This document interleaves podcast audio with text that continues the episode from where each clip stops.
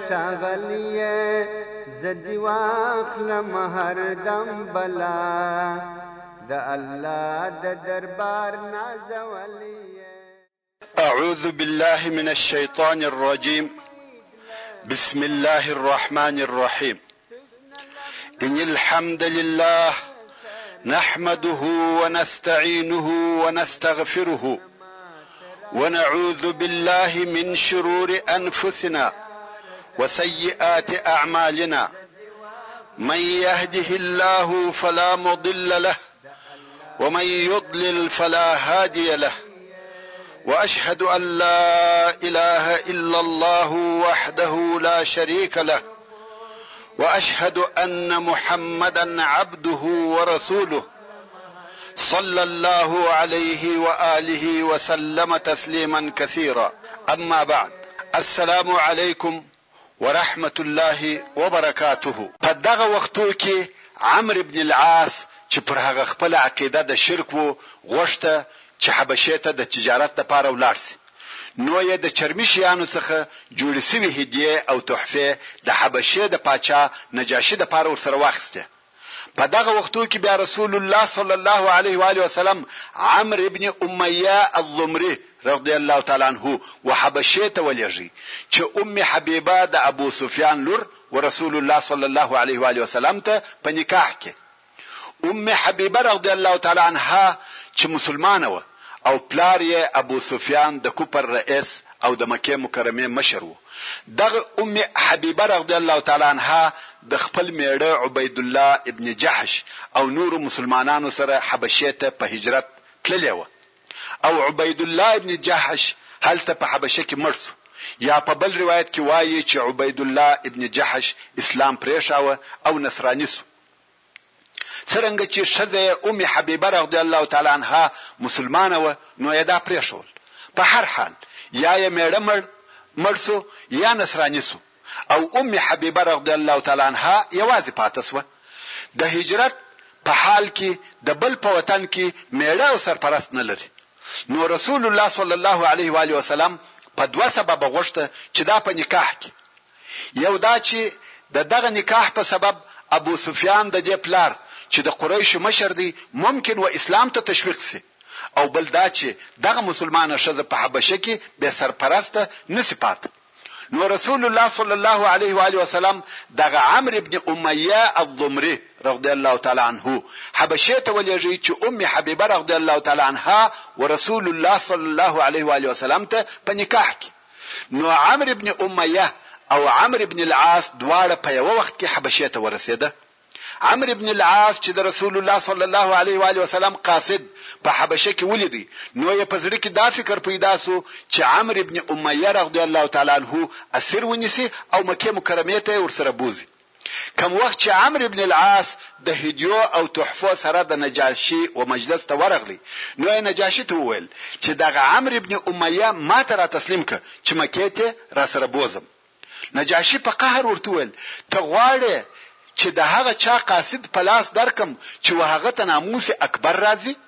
یعنې جبریل علیه السلام ورته راځي؟ عمرو بن العاص چې مشرک و او د آسماني ادیانو معلومات نه وو ورسره، په تعجب کې شو، ویل، څنګه ناموس اکبر ورته راځي؟ نجاشي و عمرو بن العاص ته وحي په تفصيل سره ور وښوولې چې وحي څه شي دي او پخوانيو انبياوو ته څنګه او د چا په واسطه سره نازلېدې او اوس ورسول الله صلی الله عليه و آله وسلم ته څنګه نازلېږي. د وحيو او انبياء عليهم السلام په باره کې يې دونه تفصيل او معلومات ورکړه چې د عمرو بن العاص اسلام خوښ شو او مسلمان شو. وروڼو ښه متوجه شئ د عمرو بن العاص اسلام یا مسلمانېده د حبشې د پاچا د نجاشي په واسطه وه دا هم الهي قدرت دی د عربو څخه یو نفر بلکې د اهل مکې او قریشو څخه یو نفر د یوه حبشي په واسطه ایمان راوړي او مسلمانېږي دا د عمرو ابن العاص رضی الله تعالی عنه د اسلام راوړلو قصه وه او بیا چې عمرو ابن العاص رضی الله تعالی عنه مکې مکرمې ته ولاړی څه موده وروسته یې مدینې منورې ته هجرت وکړ او د رسول الله صلی الله علیه و آله وسلم سره یې بیعت وکړ چې د دغه واقعې تفصیل به په وروسته کې پر خپل وخت درته بیان شي چې د عمرو بن العاص رغضی الله تعالی عنه هجرت او بیعت د مکې مکرمې تر فتحې د مخه وه او ام حبیبه بنت ابي سفیان دې ته چې کم وخت د رسول الله صلی الله علیه و علیه وسلم د طرفه مرکه وسوه نو په دغه نکاح کې د دې وکیل د دې د اقرباو څخه یو نفر وو چې نوم یې خالد ابن سعید ابن العاص وو او د رسول الله صلی الله علیه و آله وسلم وکیل عمرو ابن ام امیه الضمری رضی الله تعالی عنه او هغه څوک چې د نکاح خطبه یې وویل او نکاح یې وتړل د حبشې پاچا نجاشي و. د ام حبیبه رضی الله تعالی عنها مهر څلور زره درهمه کښېښول شو او د نکاح مهماني هم نجاشي جوړه کړه. دا د ام حبیبه بنت ابي سفیان سره د رسول الله صلی الله علیه و آله وسلم د نکاح قصه وه. د رجیع د اوبو غمجنه واقعه ورونو د هجرت د څلرم کال د سفر په میاشت کې ورسول الله صلی الله علیه و علیه وسلم او مسلمانانو ته یو زړه دردونکې واقعه پیښه شوه چې د سیرت او تاریخ په کتابو کې د فاجعه ماء رجیع په نامه سره یادېږي چې هغه واقعه داسې وه، د عربو دوې قبیلې چې د عضل او قاره په نامه سره یادېدې، دغه قبیلې اسلام دښمنې قبیلې وې او دا یې اراده وه چې پر مدینه منوره حمله وکړي. څرنګه چې دغه قبیلې لوی او قوي قبیلې نه وې، نو یوازې دوی نه شوای کولای چې پر مسلمانانو حمله وکړي. نو یې د هذیل و قبیلې ته نفر ولېږل چې موږ غواړو چې پر مسلمانانو حمله وکړو نو تاسې هم په دغه جنګ کې زموږ کومک وکړئ. د هذیل قبیلې ویل، یا! مسلمانان قوي دي، دوی زموږ مشر او سردار خالد ابن سفیان زموږ په مابین کې ووژي، موږ حمله نه پر کوو، مګر هو! که مسلمانانو پر تاسې حمله وکړه، هغه وخت بیا موږ ستاسې کومک کوو. اوس نو د عضل او قاره قبیلې نشي کولای چې یوازې دوی پر مسلمانانو حمله وکړي، مګر هلته بیا د هذیل قبیلې وعده ورسره کړې ده، که مسلمانانو حمله درباندې وکړه، موږ مو کومک کوو. نو اوس د عضل او قاره د قبیلو افراد داسې کارونه کوي چې مسلمانان مجبور کړي چې پر دوی حمله وکړي. نو یې څه وکړه؟ څو نفره یې رسول الله صلی الله علیه و آله وسلم ته ولېږل چې دغه ډلې په ښکاره سره ایمان راوړي او هلته په مدینه منوره کې د مسلمانانو سره ژوند کوي، لمونځونه کوي او په ظاهره مسلمانان دي. بیا یې رسول الله صلی الله علیه و آله وسلم ته وویل، یا رسول الله! که زموږ سره یو څو نفره ولېږې چې هلته زموږ قوم ته اسلام او قرآن وروښوي، شاید زموږ قوم هم مسلمانان شي. او موږ دغه ستا و نفرو ته جوار یا امان ورکوو چې څوک به تکلیف او آزار نه ورکوي. د نبی الرحمة، علیه الصلوة والسلام، هم امید پیدا شو چې ممکن د عضل او قاره قبیلې هم ایمان راوړي او دغه نفرو هم و اصحاب کرامو ته جوار ورکوي او په امان کې دي نو یې شپږ نفره یا په بل روایت کې لس نفره د خپلو اصحاب کرامو څخه د دوی سره ولیږل چې دغه نفر هم ټوله د قرآن مجید حافظان وه او د دوی مشر یې عاصم ابن ثابت رغدی الله تعالی عنه مقرره کړ. کوم وخت چې په لار کې و دغه قبیلو ته ورنږدې شوه نو یې د رجیع د اوبو سره واړول. د رجیع اوبه د هذیل د قبیلې اوبه دي چې د جدې او رابغ په مابین کې وې. دغه د مسلمانانو ملګرو خلقو د هذیل د قبیلې یو کلی په خبر کړ چې و هغو ته بنو لحیان ویل کېده. مسلمانان په بېغمه زړه سره ناست دي چې نا ببره لښکر پر راوګرځېد او دوی یې محاصره کړ. مسلمانان فقط شپږ یا لس نفره دي او د کفارو ډله د لسو نفرو څخه او د کفارو ډله د سلو نفرو څخه زیات دي. دوی ویل، هغه عهد او امان. کفار وایې، نه عهد سته نه امان، تسلیم سئ. د مسلمانانو سره هم اسلحه سته، مګر شمېر یې نسبت و کفارو ته ډېر لږ دی. نو ویل نو ویوې لوړي ته وختل او ویل، نه تسلیمېږو. کفارو ورته ویل، موږ عهد او وعده درسره کوو، که تاسې تسلیم سئ، موږ ستاسې یو نفر هم نه وژنو. عاصم رضی الله تعالی عنه وویل، زه خو د کافر په امان هیڅکله نه تسلیمیږم او نه ورکښته کیږم. او تر هغو یې جنګ ورسره کاوه تر څو چې عاصم رضی الله تعالی عنه د شپږو نورو ملګرو سره د غوښې په ویشتلو په شهادت ورسیده. فقط د مسلمانانو څخه درې نفره پاته شوه چې هغه خبیب ابن عدي، زید ابن الدثنه او عبدالله ابن طارق وه. کفارو بیا عهد او وعدې ورکړې، ویل که چیرې تاسې تسلیم شئ موږ هیڅ تکلیف نه درکوو. نو دغه درو نفرو په خپل مابین کې سره وویل چې موږ درې نفره نشو کولای چې د پوره لښکر سره وجنګیږو، په جنګ کې مو مرګ حتمي دی او که ځانونه تسلیم کړو شاید دوی د خپلې وعدې سره موافق امان راکړي. نو دغه درې نفره تسلیم شوه. اوس چې د هغه لوړي څخه ورکښته شوه کفارو د دوی په تړلو شروع وکړه، عبدالله ابن طارق رضی الله تعالی عنه وویل، دا خو یې اول غدر، نو یې په جنګ شروع وکړه، دا نفر یې هم شهید کړ، زید او خبیب یې وتړل او مکې مکرمې ته بوتله، هلته یې پر قریشو خرڅ کړه. مګر د مخه تر دې چې کفار ولاړ شي دوی غواړي چې د عاصم رضی الله تعالی عنه سر پرې کړي او د ځانه سره یې مکې مکرمې ته یوسي دا ولې؟ وروڼو که ستاسې په یاد وي د احد په غزا کې د کفارو د بیرغ اخیستونکي دوه نفره دغه دغه د عاصم د طرفه ووژل شوه هغه دوه وروڼه چې د کفارو بیرغ یې پورته کاوه، عاصم رضی الله تعالی عنه د هغو د خور سلافې په حضور ووژل او سلافې وویل، که هر چا د عاصم سر راته راوړي، د سر په کوپړۍ کې بې شراب وڅښم او سر بې و هغه سړي ته په سرو زرو ور ډک کړم. نو کفار اوس غواړي چې د عاصم سر پرې کړي او سلافې ته یې د هغه انعام د اخیستلو لپاره وروړي. خو دلته بیا یو بل کیفیت هم وو هغه دا چې عاصم رغدی الله تعالی عنه په پخوا کې چې دی په مدینه منوره کې وو قسم کړی وو چې والله زه به په ټول عمر مشرک ته لاس ور نه وړم او نه به مشرک پرېږدم چې ماته لاس راوړي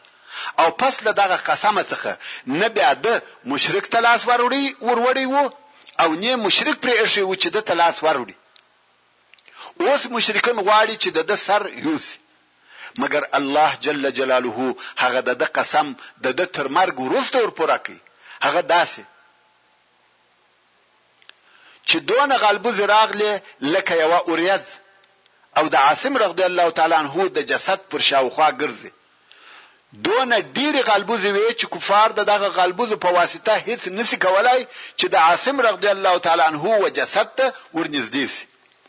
د الله جل جلاله د لښکرو څخه یو لښکر د دغه نېک سړي د جسد حفاظت او ساتنه کوي. کفارو هر څه کوښښ وکړ مګر غالبوزو نه پرېښول چې ورنږدې شي. د عاصم رضي الله تعالی عنه بدن یې د دوی څخه ساته. کفارو ویل، تر ماښامه پورې صبر وکړئ، چې شپه شي، غالبوزې ځي، ځکه غالبوزې په شپه کې نه ګرځي. اوس چې شپه نږدې کېږي، باران شروع شو او تر ماښامه دونه باران وشو، چې سېلونه وبهېده. یو لوی سېل د عاصم رضی الله تعالی عنه پر جسد ورغلی او هغه یې یووړی. کفارو هر څه کوښښ وکړ چې د عاصم رضی الله تعالی عنه جسد راوګرځوي، مګر سیل دونه لوی او قوي و چې څوک ور نږدې کېدلای نه شي. سیلاب د عاصم رضی الله تعالی عنه جسد تر ډېر لرې ځایه پورې یووړ او بیا د سیل په مابین کې ښخ او ورک شو. ځای یې هم چا ته نه شو معلوم چې چیرې ښخ کړل شو.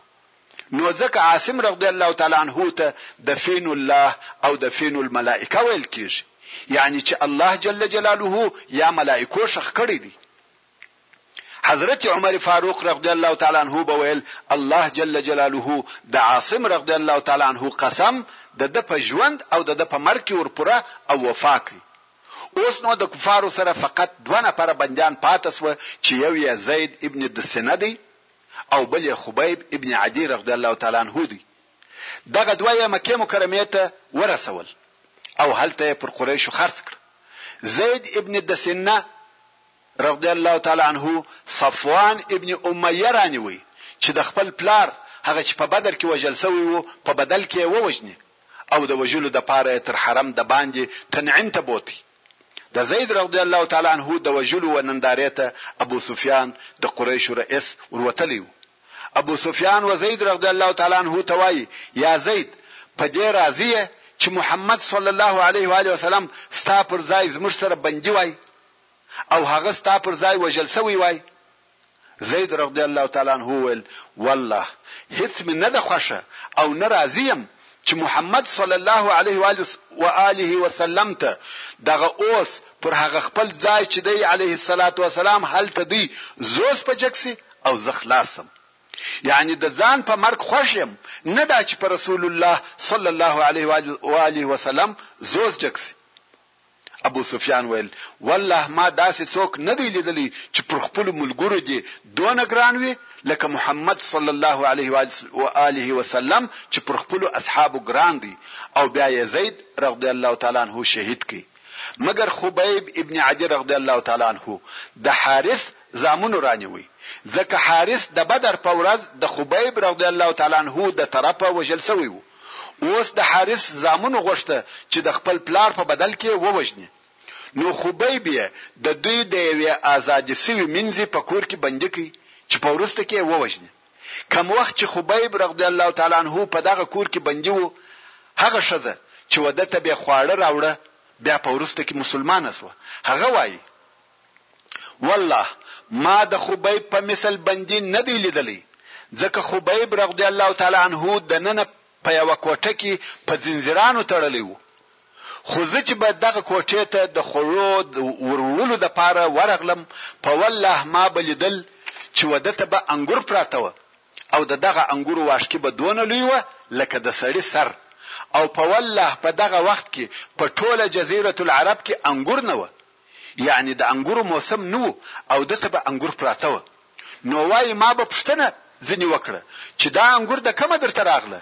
ته په کوټه کې په زنځیرانو تړلی بندي یې او د مېوې موسم هم نه دی، تا ته مېوه پراته ده، دا د کومه درته راغله؟ خبیب رضی الله تعالی عنه به راته ویل دا د الله جل جلاله د طرفه څخه ده.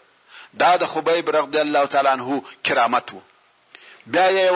بیا یې یوه ورځ و خبیب رضی الله تعالی عنه ته خبر ورکړ چې نن ورځ ستا د وژلو ورځ ده،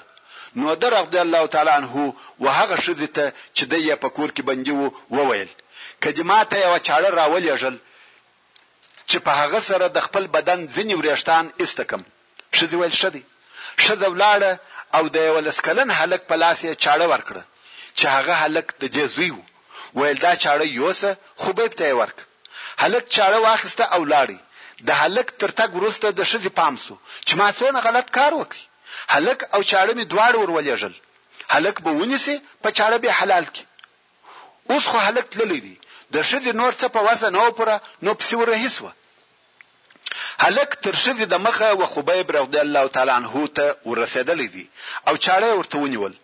خبیب رضی الله تعالی عنه وویل، افسوس دې وي تا ښځې لره. او بیا یې هلک ته وویل، ایا ستا مور د غدر او خیانت څخه نه بېرېده؟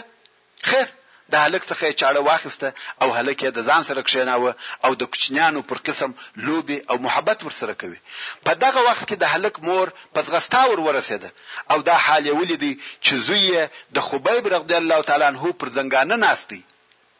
او د خبیب په لاس کې چاړه ده، کولای شي چې دغه اوس هلک ووژني او د ځان انتقام واخلي، نو د ښځې څخه یوه لو چغه وشوه، خبیب رضی الله تعالی عنه ورته ویل، وبېرېدې چې زه بې ووژنم؟ زموږ مسلمانانو غدر عادت نه دی، واخله زوی دې بوځه. بیا نو د خبیب رضی الله تعالی عنه د وژنې دپاره ډیر قریش و تنعیم ته ور ووته.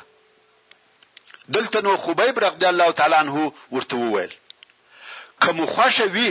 او دونه مې پریږدئ چې دوه رکعته لمونځ وکړم، کفارو ویل، ویک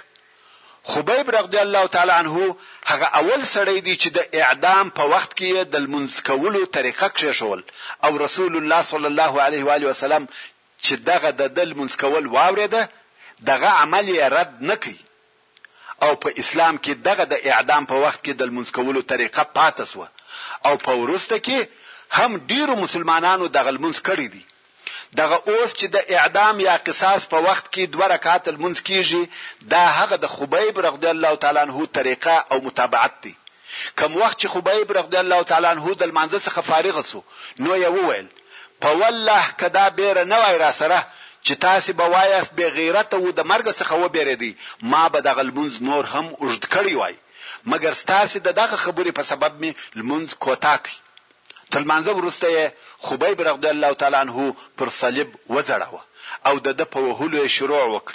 په یوه وار یې نه وژني، بلکې کرار کرار یې په تورو وهي، خبیب رضی الله تعالی عنه وکفارو ته په ښراوو شروع وکړ، ویل، اللهم احصهم عددا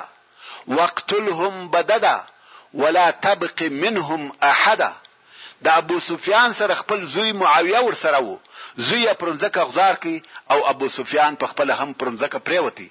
ځکه د مشرکانو دا عقیده وه که و یو چا ته ښرا کېږي او هغه څوک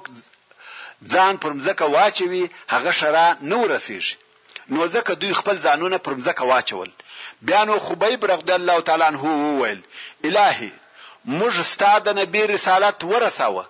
موږ تلو چې ستا د دین و خلقو. چې ستا دين وخلقو ته ورسوو او هغو پر موږ ظلم وکړي او په دغه ډول مو وژني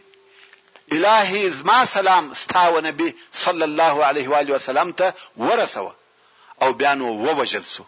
په دغه وخت کې رسول الله صلی الله علیه و علیه وسلم په مدینه منوره کې د خپل اصحاب سره ناس وو او وی فرمایل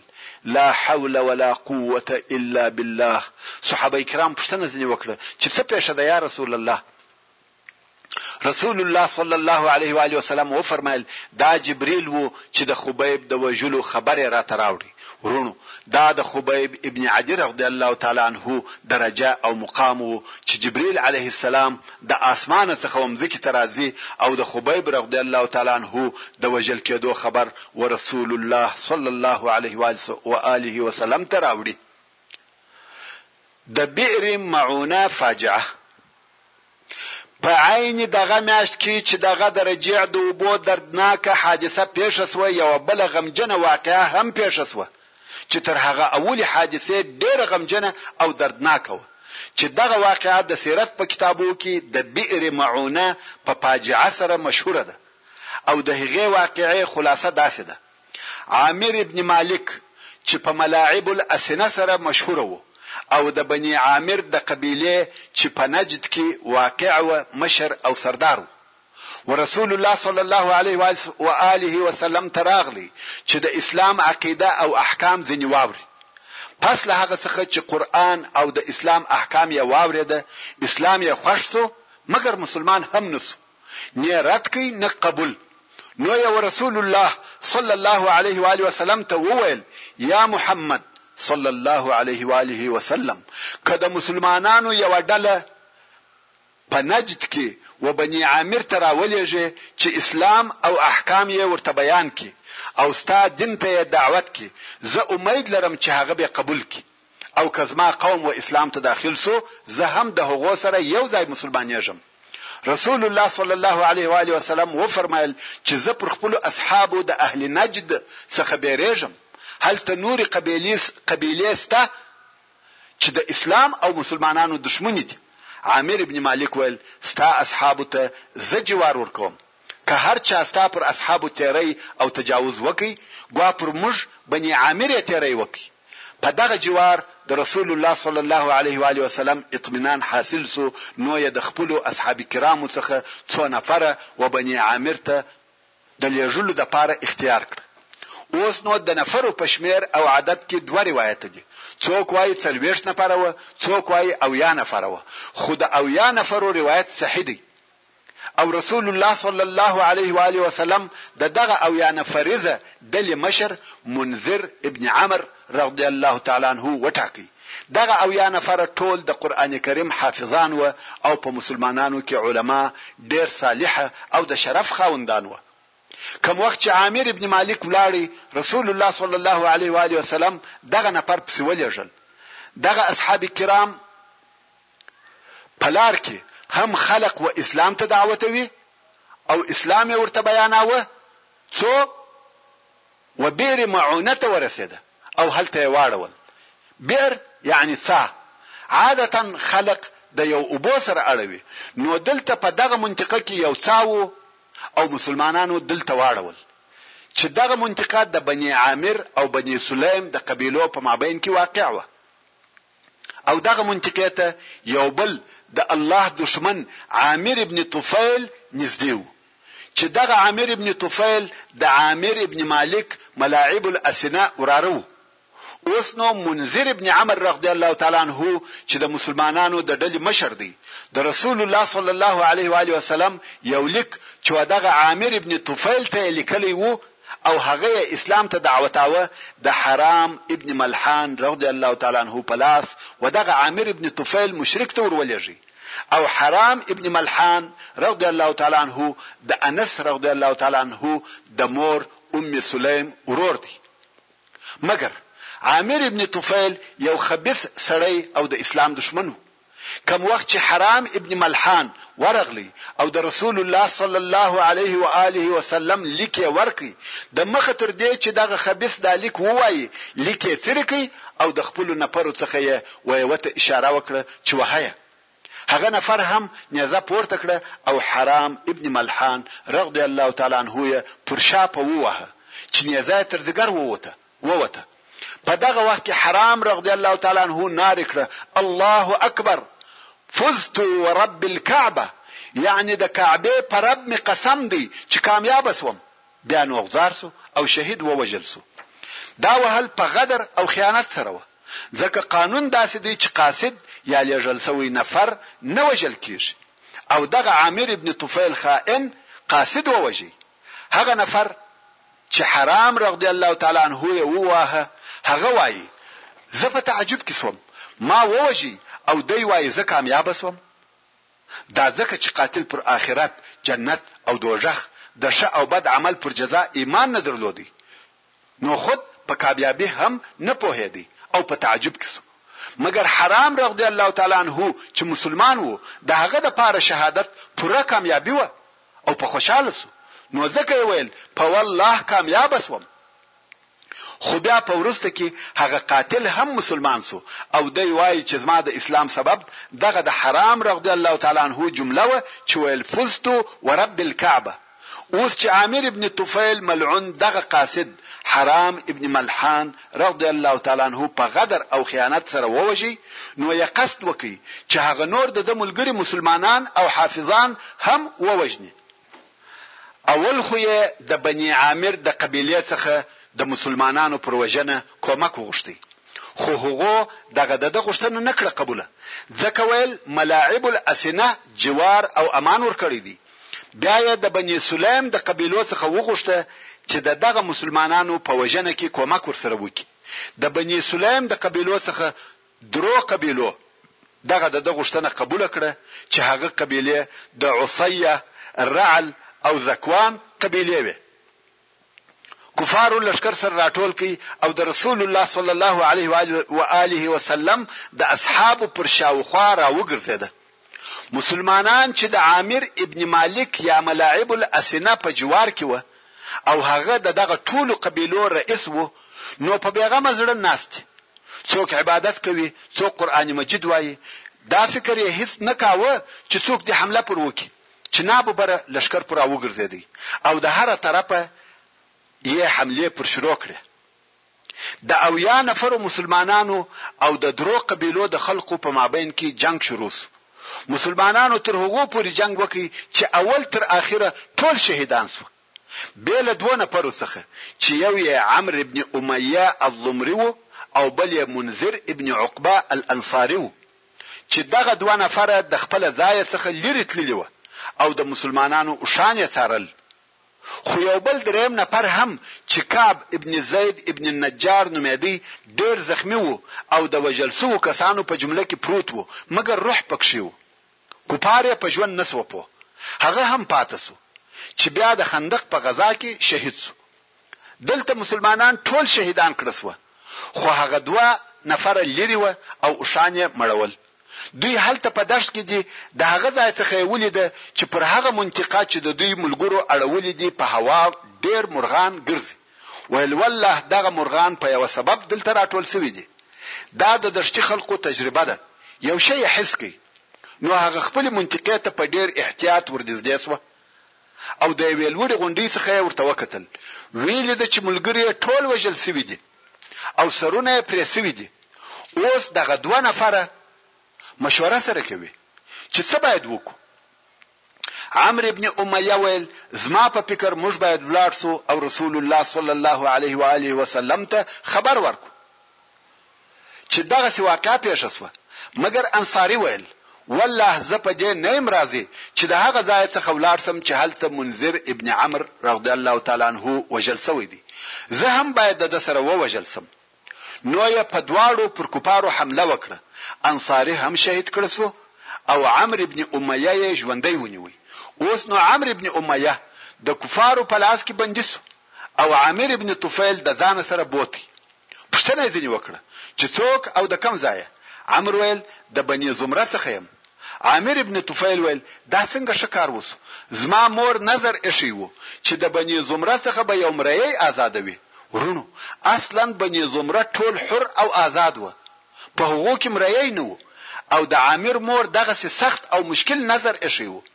او اوس د هغې نذر د عمرو رضی الله تعالی عنه په ایله کولو سره ادا کیږي نو عامر ابن طفیل ویل، زه دې د دې لپاره ایله کوم چې زما د مور نذر ادا شي نو یې د عمرو ابن امیه سر ور وخروئ چې دا په هغه وخت کې د مرییتوب علامه وه او بیا یې ایله کړئ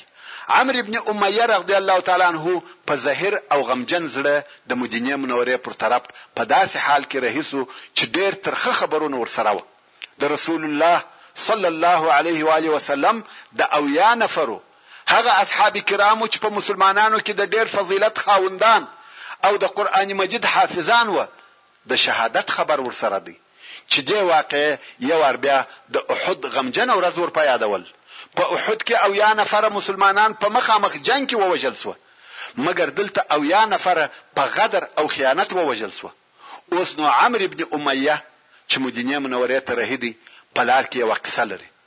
چې د هغه واقعې څخه ډېره لو مسئله جوړه شوه چې لږ وروسته به دغه قصه درته بیان کړم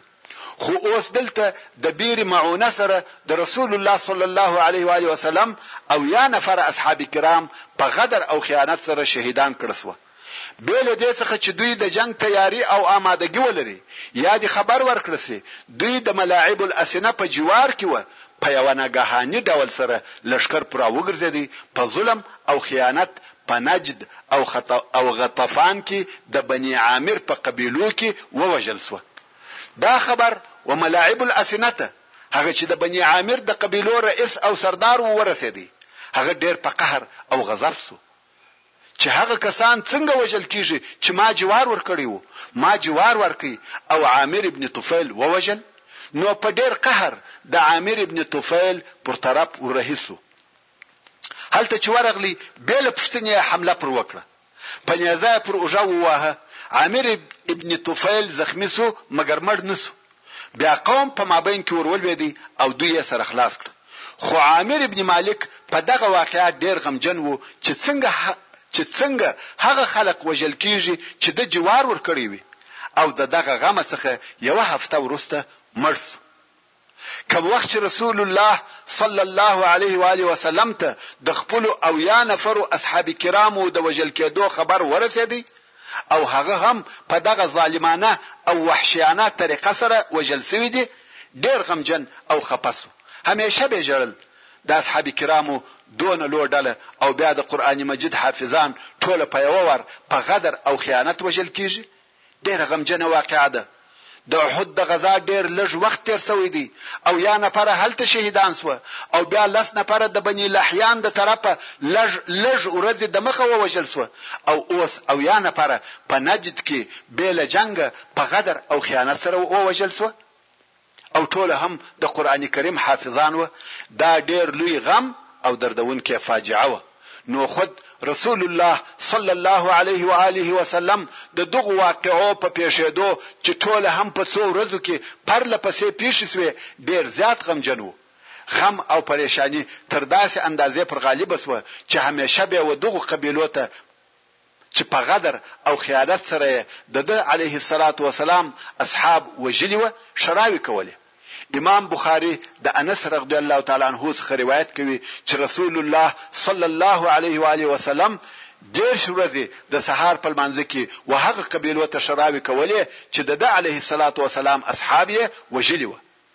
چې هغه د رعل او ذکوان، لحیان او عصیه قبیلې وې.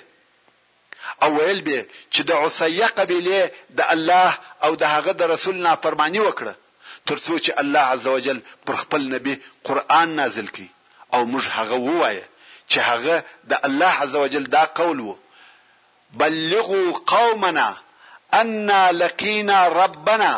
فرضی عنا ورضینا عنه یعنې زموږ قوم ته دا حال ورسوئ چې موږ د خپل رب سره ملاقي شوو. هغه زموږ څخه راضي وو او موږ د هغه څخه راضي يو، دا د هغه شهيدانو قول دی چې په ظلم او خيانت سره وژل شوي وه او الله عزوجل د هغو دغه د رضائيت پيغام ورسول الله صلی الله عليه وآله وسلم او د هغو وکورنيو ته په قرآني آيات سره ورساوه رسول الله صلی الله عليه وآله وسلم دغه آيات د دغه آيات په نزول سره هغه د سهار په لمانځه کې قنوت قنوت ویل یا ښرا کول پریښول او په وروسته کې دغه آیات منسوخ شو یعنی لفظ یې په قرآن مجید کې نشته وروڼو موږ مخکې وویل چې عمر چې عمر ابن امیه الضمری رضی الله تعالی عنه پس له هغه څخه چې د ده ټول ملګري د عامر ابن طفیل د طرفه په شهادت ورسېده او بیا دی بندي ونیول سو نو عامر ابن طفیل دی د دې لپاره ایله کوي چې د عامر د مور نذر آدا شي. پس له هغه څخه چې د ده سر یې ور وخراوه،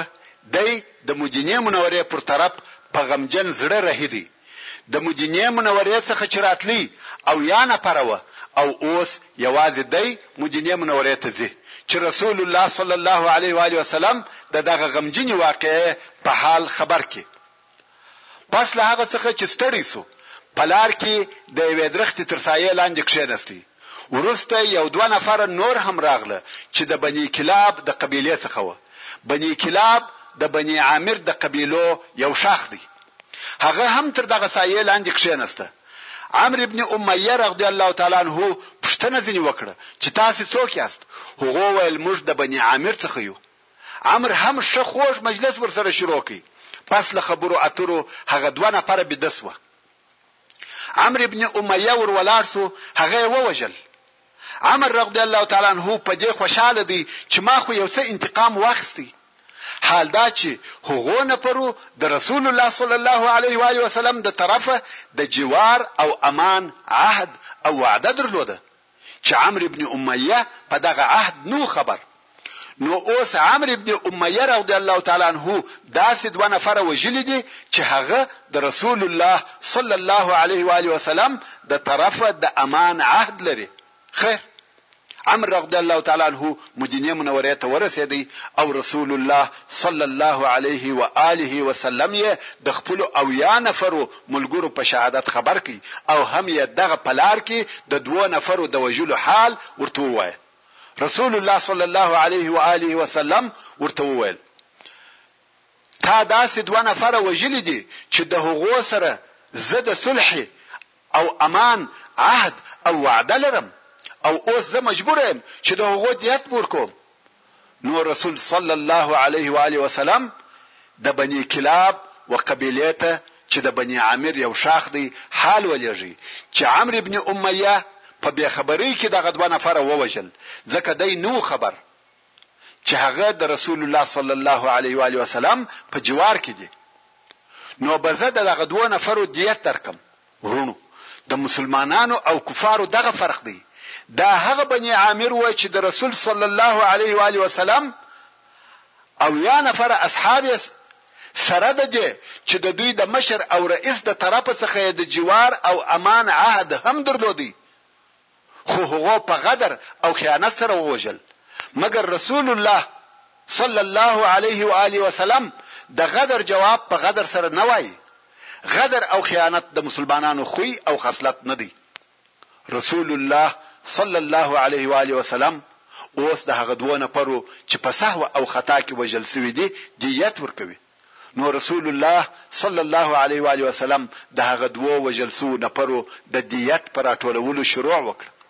او عمرو ابن امیه رضی الله تعالی عنه ته یې د هغه د نه خبرتیا په سبب عفو وکړه. خو د دیت په جمع کولو کې هم یوه واقعه پېښه شوه چې هغه واقعه د بني النضیر یا بني نضیر د یهودو د غزا سبب وګرځېده. ورونو موږ مخکې درته ویلي وه چې یهودو په خپلو زړو کې و اسلام او مسلمانانو ته سره ایښېده مګر څرنګه چې دوی د جنګ او مقابلې خلق و نه وه بلکې د دوی کار دسیسې، غدر او خیانت و د مسلمانانو سره یې حسد او دښمنۍ کولې خو د دغه دښمنیو دپاره یې قسم قسم چمونه او حیلې استعمالولې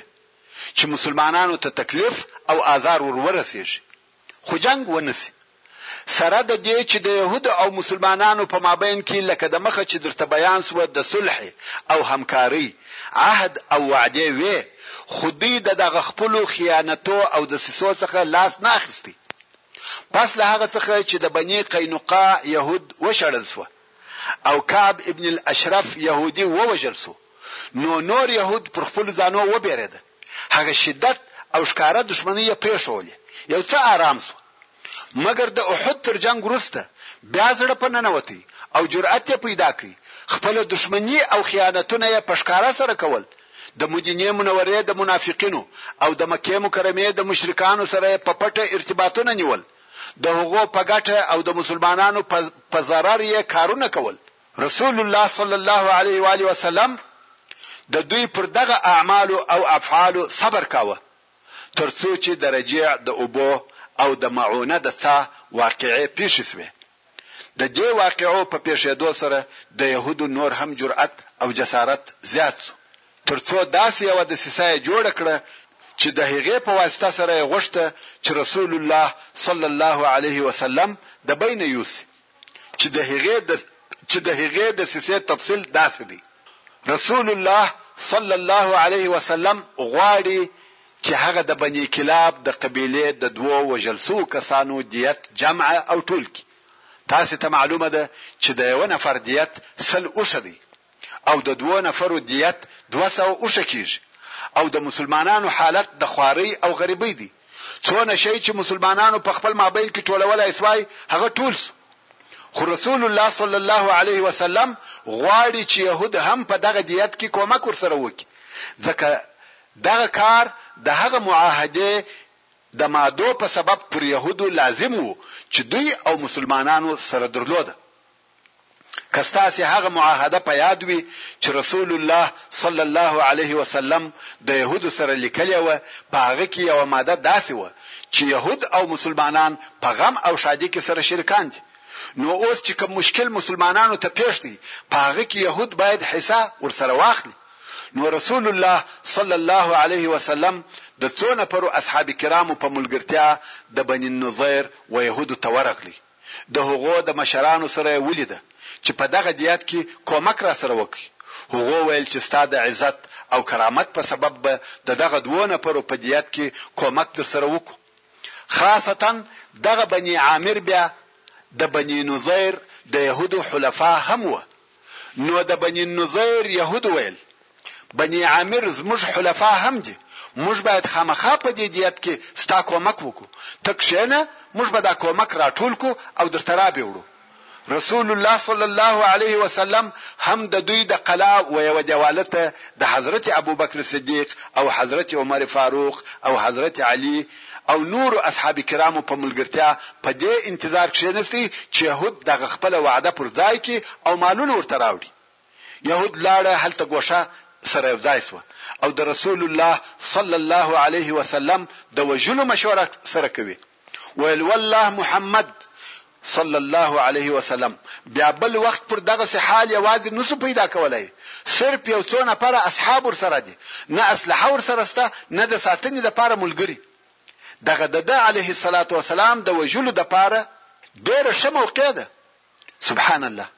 تاسې د یهودو غدر او خیانت ته وګورئ، په عوض د دې چې د کومک د ټولولو په باره کې فکر وکړي، دوی د رسول الله صلی الله علیه وسلم د وژلو په باره کې فکر کوي.